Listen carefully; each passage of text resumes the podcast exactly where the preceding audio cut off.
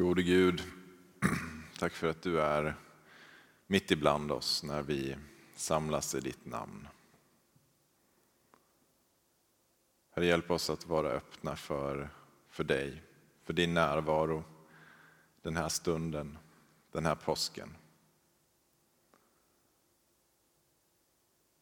Herre, gör den här stunden och den här påsken till ett möte med dig där vi förstår något mer av vem du är. Lite mer. Välsigna vår stund tillsammans nu. Amen. Men framförallt så samlas vi för att vara med Jesus i måltid tillsammans. Och det smids planer på att ta honom till fånga. Att binda honom och göra sig av med honom totalt. En del av dem som vill få honom tyst, de kommer från andra kulturer. De är religiösa extremister och kan inte tro på att en människa kan vara Gud. De vill med våld ta död på hans kärlek. Andra de bara struntar i honom. De menar att en värld utan Gud är en bättre värld. Där bara människan får vara i centrum. Och här samlas vi i protest, likt de första lärjungarna.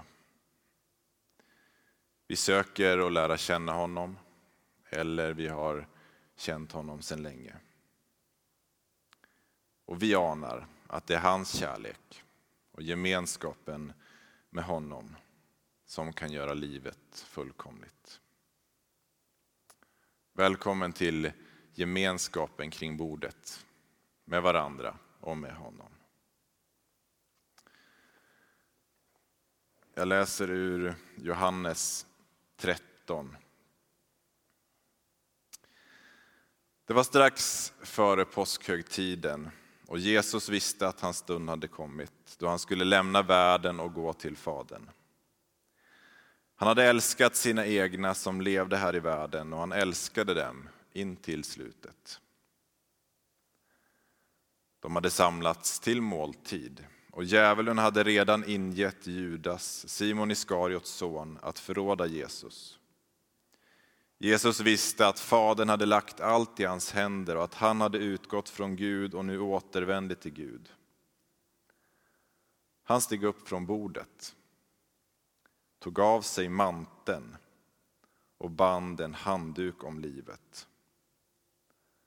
Sen hällde han vatten i tvättfatet och började tvätta lärjungarnas fötter och torka dem med handduken som han hade bundit om sig. När han kom till Simon Petrus sa denne till honom, Herre, ska du tvätta mina fötter? Jesus svarade, vad jag gör förstår du inte nu, men senare ska du fatta det. Petrus sa, aldrig någonsin får du tvätta mina fötter. Jesus sa till honom, om jag inte tvättar dig har du ingen gemenskap med mig. Då sa Simon Petrus, Herre tvätta inte bara mina fötter utan också händerna och huvudet. Men Jesus sa till honom, den som har badat behöver bara få fötterna tvättade. I övrigt är han ren, och ni är rena, dock inte alla. Han visste nämligen vem som skulle förråda honom och därför sa han att de inte alla var rena. När han hade tvättat deras fötter och tagit på sig manteln och lagt sig till bords igen sa han till dem, förstår ni vad det är jag har gjort med er? Ni kallar mig mästare och herre och det med rätta, för det är jag. Om nu jag som är er herre och mästare har tvättat era fötter, är också ni skyldiga att tvätta varandras fötter. Jag har gett er ett exempel för att ni ska göra som jag har gjort med er. Sannerligen, jag säger er, En tjänare är inte för mer än sin herre och en budbärare inte för mer än den som har sänt honom. Vet ni detta är ni saliga om ni också handlar så. Ja, den här påsken följer vi i Ansgarskyrkan kyrkan eh, Jesus sista dagar i, genom Johannes evangeliet. Många kyrkor i Sverige de läser annars Markus evangeliet i år, men nästa år har Ekumeniakyrkan en speciell satsning på Markus evangeliet, så vi ska spara det till dess. Dessutom så har många här i församlingen gått en kurs, eller går en kurs kring Johannes evangeliet om att få ett, ett nytt perspektiv på livet genom Johannes evangeliet. Och den här texten, den ger oss verkligen nya perspektiv på livet. Den som jag läste nyss. Som mycket annat när Jesus kommer till tals. Han som är gruppens ledare och lärare, han gör det som är tjänarens uppdrag. Och hans budskap är att de också ska göra det mot varandra. Jesus han är inte bara ledare för den här gruppen. Som kristna tror vi att han är Gud. Att han är den högste, skaparen av allt. Teologen Tom Wright han uttrycker det väldigt bra i en kommentar om den här texten. Syftet med texten det är inte att säga att fastän han kom från Gud så tvättade han sina lärjungars fötter. Utan han var tvungen att tvätta deras fötter just för att han kom från Gud. För sån är Gud. Dels så får vi tro på en Gud som är en tjänande Gud. Vi får tro på en Gud som tvättar oss rena. Oavsett vad vi har gjort, tänkt eller låtit bli att göra så tvättar han oss rena. Så att vi kan ha gemenskap med honom, som den här texten säger. Vi ska också få bekänna vår synd och vi gör det nu på en gång. Vi ber. Barmhärtige Gud, du som i Kristus öppnar vägen till dig och utplånar världens alla synder. Jag ber dig, rena mig så blir jag ren. Hela mig så blir jag hel. Dra mig till dig så får mitt hjärta ro. Till dig som ber om förlåtelse säger jag på Jesu Kristi uppdrag. Min vän, du har fått förlåtelse från dina synder. Amen. Men det är också tydligt i den här texten att Jesus också gör det här som ett exempel. För att vi ska fortsätta och göra på samma sätt mot varandra. Både betjäna varandra och förlåta varandra. Och tjänande på det sättet som den här texten uttrycker det är någonting obekvämt. Det är att ödmjuka sig, det är att göra det smutsiga jobbet. Att hjälpa uteliggaren till en skyddad plats trots att han luktar så illa. Eller att städa i kyrkan kanske. Förstås finns det en balansgång i det här som i det mesta i livet. Det finns en risk för en del människor att man kanske flyr också till de enkla, tydliga uppgifterna i det kyrkliga arbetet. Så att man inte har tid över att utföra uppgifter som man egentligen är eh, mer lämpad till enligt sina gåvor och som kanske är mer krävande. Det finns också en risk med att vi utför tjänande uppgifter för att vi vill visa vår ödmjukhet inför oss själva eller varandra. Som kyrka och som enskilda handlar det inte om att tjäna för tjänandets skull. Utan att vi vänder vår blick ifrån oss själva och ut i världen. Vilka är behoven? Var kan jag tjäna bäst? Det finns fler delar i texten jag nyss läste också. Vi möter också Judas. Och jag kommer att läsa ytterligare om honom i slutet av den här stunden. Kärlek. Kanske någon har tröttnat på det temat som vi har vänt och vridit på nu några veckor. Vi har inte satt en rubrik på den här samlingen som en del i vår kärleksserie. Men om vi hade gjort det så skulle den kunna handla om den obesvarade kärleken. Eller den förrådda kärleken. Trots att Jesus bara älskar så blir han utlämnad av en av sina närmsta. Och så handlar texten förstås om nattvarden. Johannes han beskriver inte den här måltiden på samma sätt som de andra evangelisterna gör. Kanske var det för att han skrev sitt evangelie senast och eh, det redan var ett så etablerat i kyrkan att man firade nattvard till minne av den här måltiden. Så han tyckte inte han behövde berätta om de detaljerna han också. Men vi får i vilket fall också träda in i den här måltiden. Och vi får fira den med Jesus i vår mitt.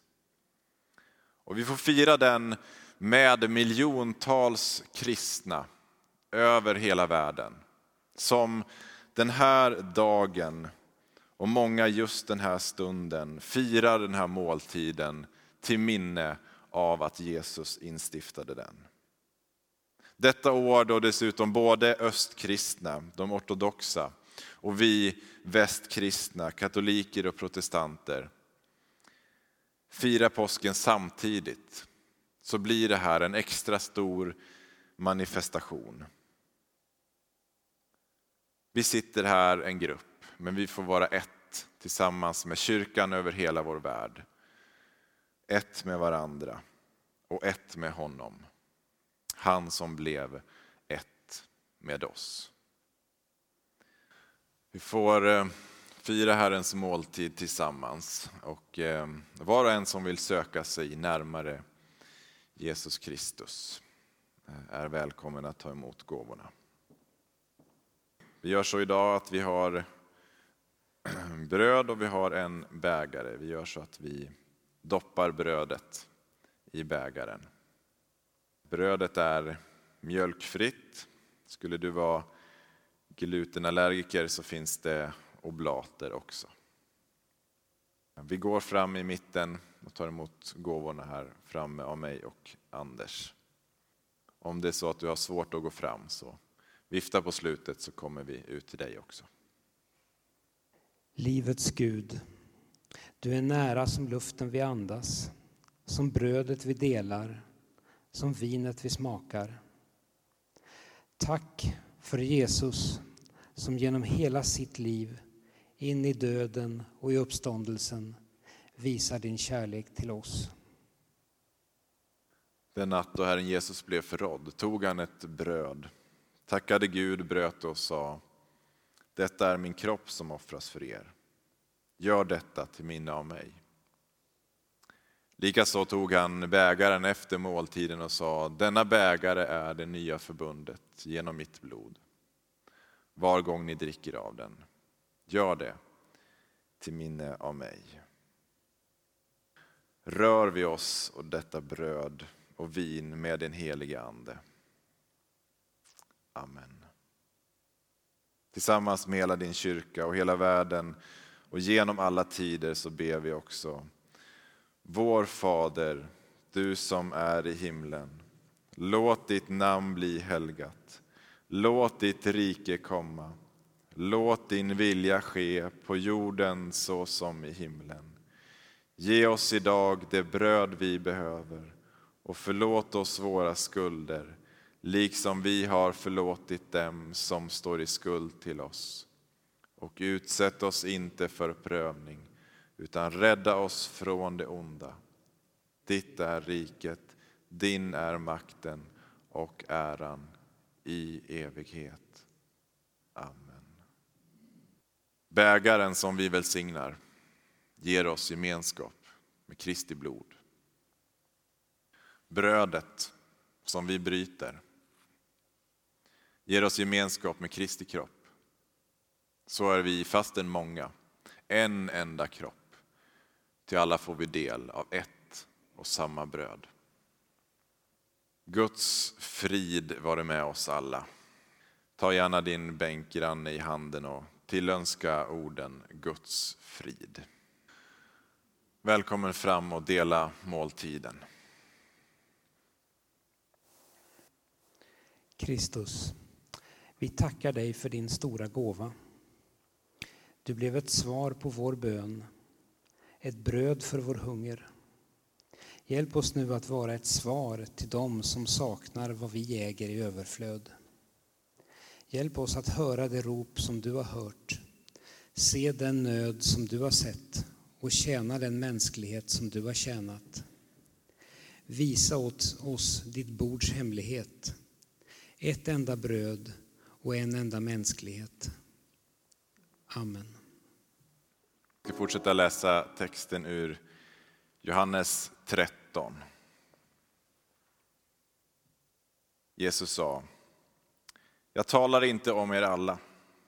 Jag vet vilka jag har utvalt, men skriftens ord måste uppfyllas. Den som äter mitt bröd har lyft sin häl mot mig. Jag säger det redan nu innan det sker, för att ni, när det har skett, ska tro att jag är den jag är. Sannerligen, jag säger er, den som tar emot någon som jag sänder, han tar emot mig. Och den som tar emot mig, han tar emot den som har sänt mig.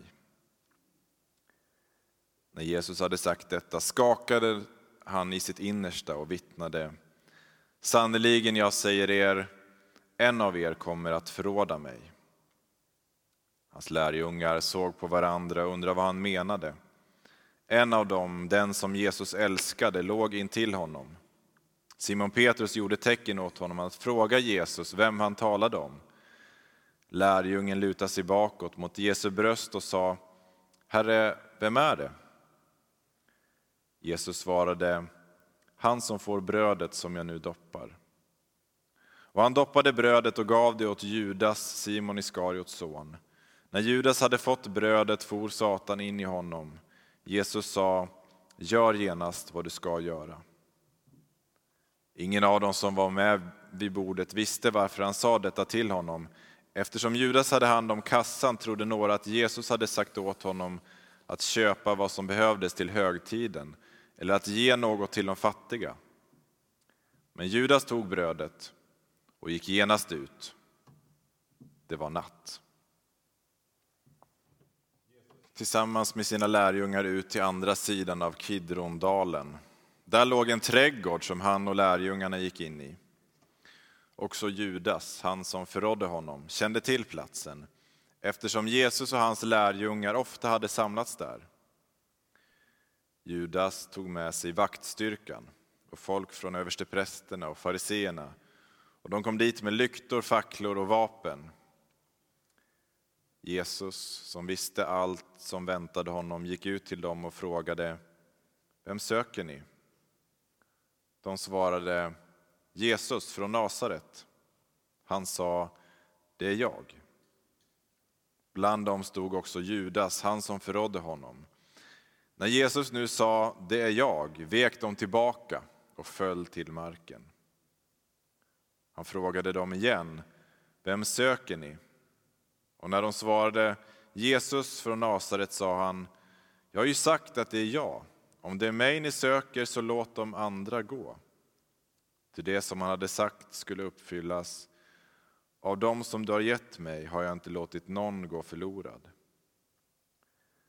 Men Simon Petrus, som hade ett svärd med sig, drog det och slog till mot översteprästens tjänare och högg av honom högra örat. Tjänaren hette Malkos.